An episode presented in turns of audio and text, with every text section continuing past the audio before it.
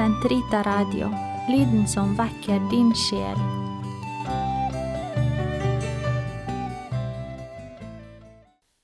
Den katolske kirkes katekisme, uke 32, lørdag 21 22.01 til 22.06. Familien i Guds plan. Familiens vesen. Det ekteskapelige samliv er tuftet på ektefellenes samtykke. Ekteskap og familie er ordninger til beste for ektefolkene, for forplantning og barneoppdragelse. Kjærligheten mellom ektefellene og barnefødsler knytter personlige bånd og skaper grunnleggende ansvarsforhold mellom medlemmene av en og samme familie. En mann og en kvinne som er knyttet sammen ved ekteskap, utgjør sammen med barna en familie. Denne ordningen går forut for all anerkjennelse av den offentlige myndighet. Den offentlige myndighet tar den til etterretning. Den utgjør den vanlige referanseramme, og etter den bedømmes ulike former for slektskapsbånd. Ved å skape mann og kvinne opprettet Gud den menneskelige familie og ga dem dens grunnlov. Familiens medlemmer er likeverdige.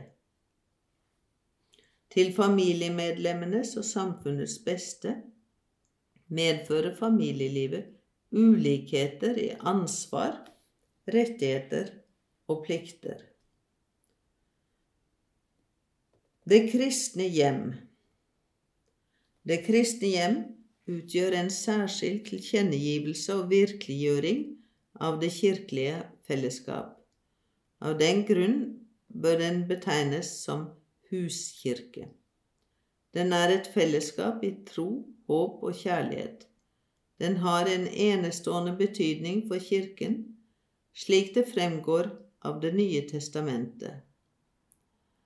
Den kristne familie er et samfunn mellom personer, spor og bilde av Faderens samfunn med Sønnen i Den hellige ånd.